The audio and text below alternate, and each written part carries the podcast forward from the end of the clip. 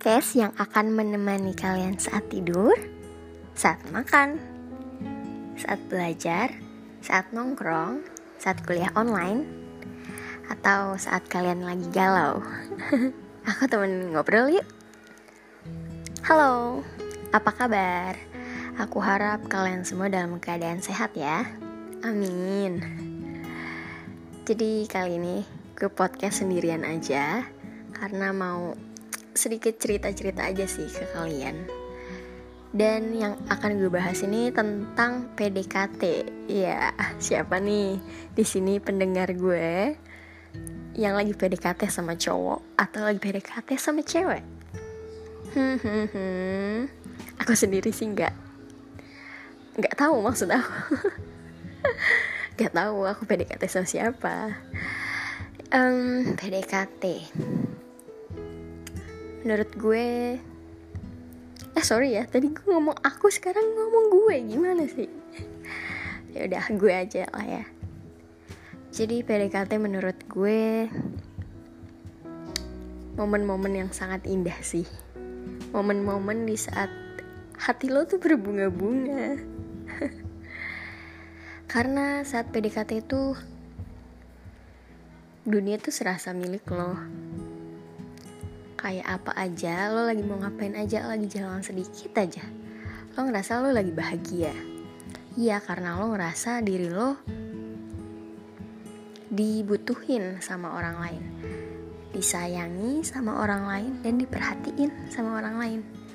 Itu kenapa kalian ngerasa bahagia saat kalian lagi PDKT. Sayang banget sih dulu gue PDKT cuma sebentar. Ya ujung-ujungnya putus juga sih. Tapi ya itu jadi pembelajaran sih buat gue. Kalau PDKT itu lebih baik sih. Ya lumayan lama ya PDKT-nya dibandingkan PDKT sebentar tiba-tiba jadian tiba-tiba pacaran dan tiba-tiba juga putusnya. Um, Sebenarnya PDKT itu tahap kalian mengenal satu sama lain lebih dalam lagi, lebih jauh lagi.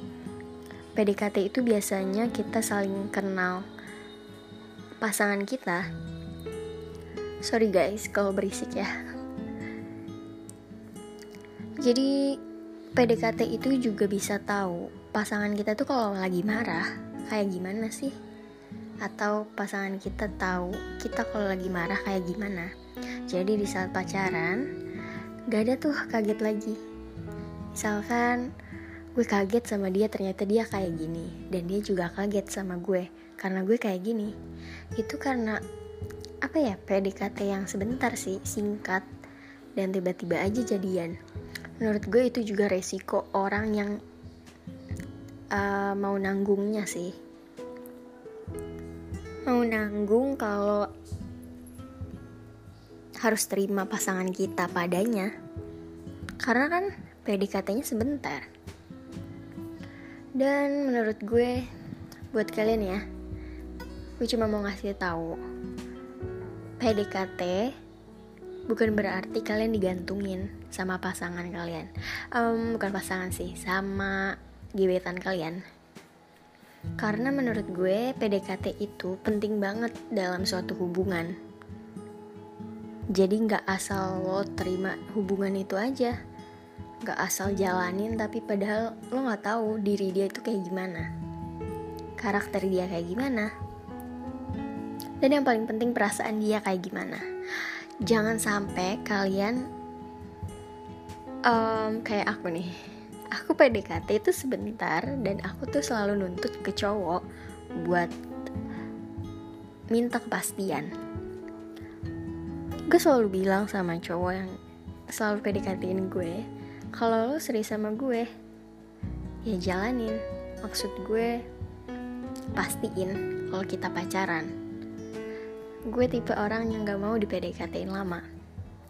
Tapi ya itu juga sih kekurangannya bikin hubungan kita tuh jadi nggak tahu satu sama lain. Nggak nyaman jalaninnya. Dan PDKT juga sebenarnya fine-fine aja sih. Asalkan ya nggak ada kata baper di dalamnya. Maksudnya baper ini bukan baper yang terlalu sayang tapi baper yang tujuannya tuh kayak apa ya kayak ngerasa digantungin ngerasa di PHP-in dikecewain itu kayak salah besar banget sih pemikiran yang kayak gitu tuh salah besar banget karena gue tahu saat ini tuh gue baru sadar kalau cowok itu Kenapa dia pengen PDKT lama? Ya karena dia itu susah untuk menerima apa ya? Menerima kediaman perempuan. Dia itu harus tahu cari tahu dulu gimana sih ceweknya ini. Gimana sifat dia, cara dia nyelesain masalah, cari solusi dan sebagainya. Makanya kenapa cowok butuh PDKT lama. Begitu guys. Nah, gue harap sih ya yang denger podcast gue ini bisa PDKT lama dan semoga hubungannya langgeng terus sampai ke jenjang pernikahan amin sampai kakek nenek lah ya sampai maut memisahkan.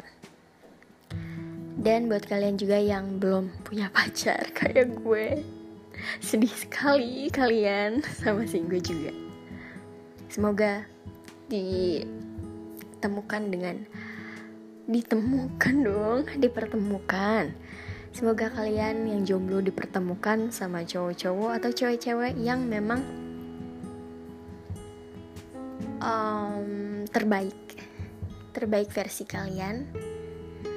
Dan semoga pasangan itu yang akan menerima kalian apa adanya, yang bisa menerima kalian di saat posisi kalian kayak gimana, di saat situasi atau keadaan kalian itu kayak gimana, susah kah, senang kah, dan semoga dia orangnya yang bisa menerima itu semua.